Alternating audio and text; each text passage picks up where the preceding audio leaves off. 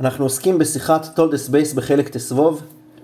המטרה בהקלטה הזאת היא לא לחדש חידושים ולעקור הרים, אלא לנסות להסביר היטב פשט בשיחה, בעיקר בנקודה העיקרית של השיחה. אולי קודם כל ננסה לסכם ממש בכמה משפטים את המהלך הכללי של השיחה. יש פה מורכבות מסוימת, בעיקר בסעיפים הראשונים, ולכן חשוב מאוד שהמהלך בכללותו יהיה בהיר.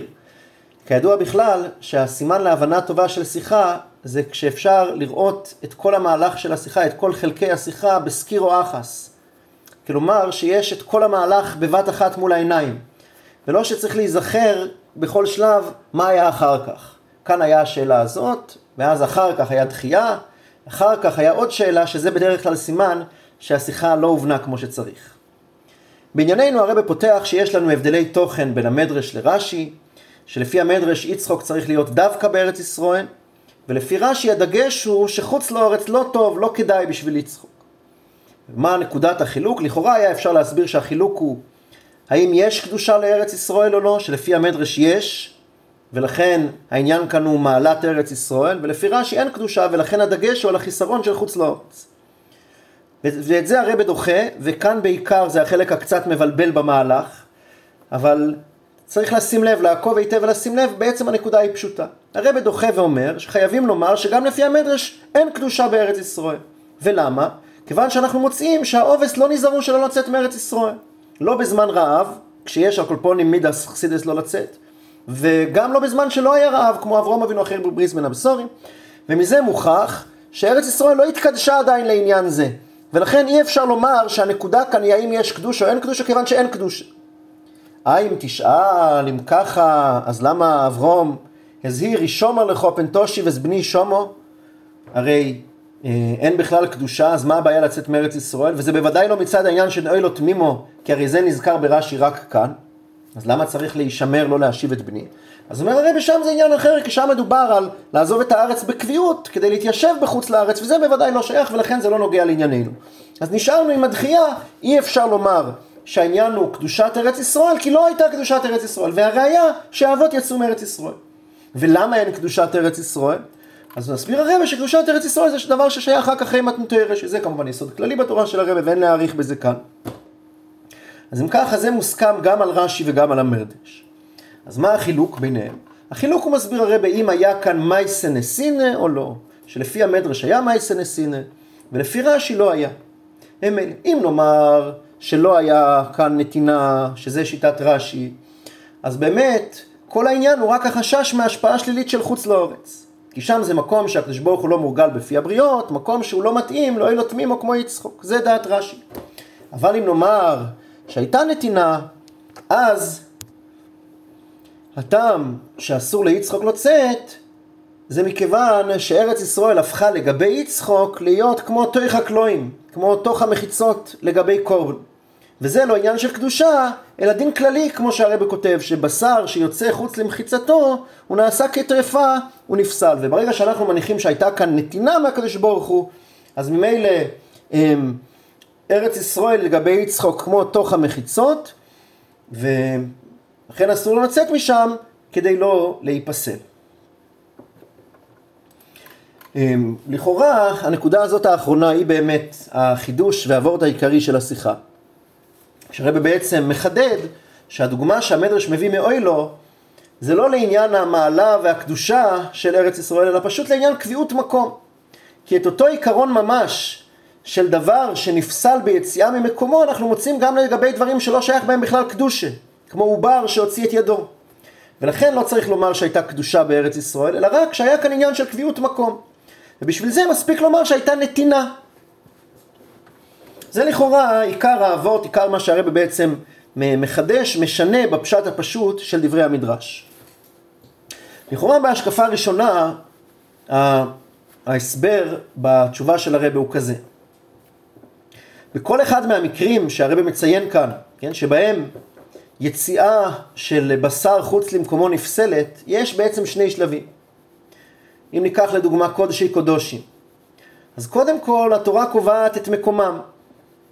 שהם נאכולים רק לפנים מן הכלואים, כלומר בתוך האזהרה. עכשיו את זה לא לומדים מבוסר בסוד את ריפול, זה יש לימוד מיוחד. לא יסוכל, לא יאכל בשורךו, הלימוד הזה קובע את מקומו של הקורבן שהוא דווקא תויך הקלואים. וזה, ככה זה לגבי כל אחד מהדברים האלה, שקודם כל בשלב הראשון יש דין שקובע את מקומו, שקובע את מחיצתו של הדבר. אחרי שאני יודע שזה מקומה, בא הלימוד השני, ובוסו בסודת רייפון, ללמד אותי שאם היא בשדה, כלומר מחוץ למקומה, היא נפסלת. לפי זה, איך זה בענייננו? נצטרך לומר ככה, על ידי הנתינה של הקדוש ברוך הוא את הארץ לאברהם אבינו, אז נקבע המקום, שהמקום של העובס זה בארץ ישראל. זה החלק הראשון, זה השלב הראשון של קביעות מקום של יצירת המחיצות. אלא שהנתינה הזאת עצמה היא עדיין לא מספיקה. כי זה שיש קביעות מקום זה עדיין לא מכריח שיציאה פוסלת. יש דברים שיש להם קביעות מקום ובכל זאת הם לא נפסלים, כמו למשל מייסר שייני וביקורים, שיש להם בוודאי קביעות מקום, דווקא בתוך ירושלים, בכל זאת הם לא נפסלים ביציאה. ולכן העובדה שיש קביעות מקום זה לבד, שזה נעשה על ידי הנתינה, זה לבד עדיין לא מספיק. לכן מוסיפים שיצחוק הוא אוי לו תמימו, כלומר שלגביו היציאה גם פוסלת. וזה מסביר לנו את המהלך כאן בשיחה, כי הרי יש לנו כאן מהלך של שני שלבים. קודם כל, הרי מייסד את הנקודה הזאת שלפי המדרש היה כאן מייסה נסין. כי אחרת, בלי זה אין בכלל מושג של מחיצות. קודם כל אתה צריך שיהיה מחיצות. עכשיו שיש מחיצות, יש כאן אה, תוירס מחיצס בלשון רש"י שהרבא מצטט בתוך השיחה, שהרבא מציין בתוך השיחה. אז אחרי שזה קיים, אז אפשר לבוא ולומר שהדין של יצחוק, על ידי זה שהקדוש ברוך הוא ציווה, עליו, עליו להקריב את עצמו לקורבן, כמו שהרבא מדייק פה דיוק מעניין, יהייסן ציווה על יצחוק עצמו להקריב את עצמו לקורבן, אז וזה קורה אחרי שיש לי את, ה, את דין המחיצות במאיסא הנסינה, אז מה שזה פועל, מה שזה מחדש, זה שהוא נעשה כמו אוילו שנפסלת ביציאה, ולא כמו דברים אחרים שאומנם יש להם מחיצות, אבל הם לא נפסלים ביציאה.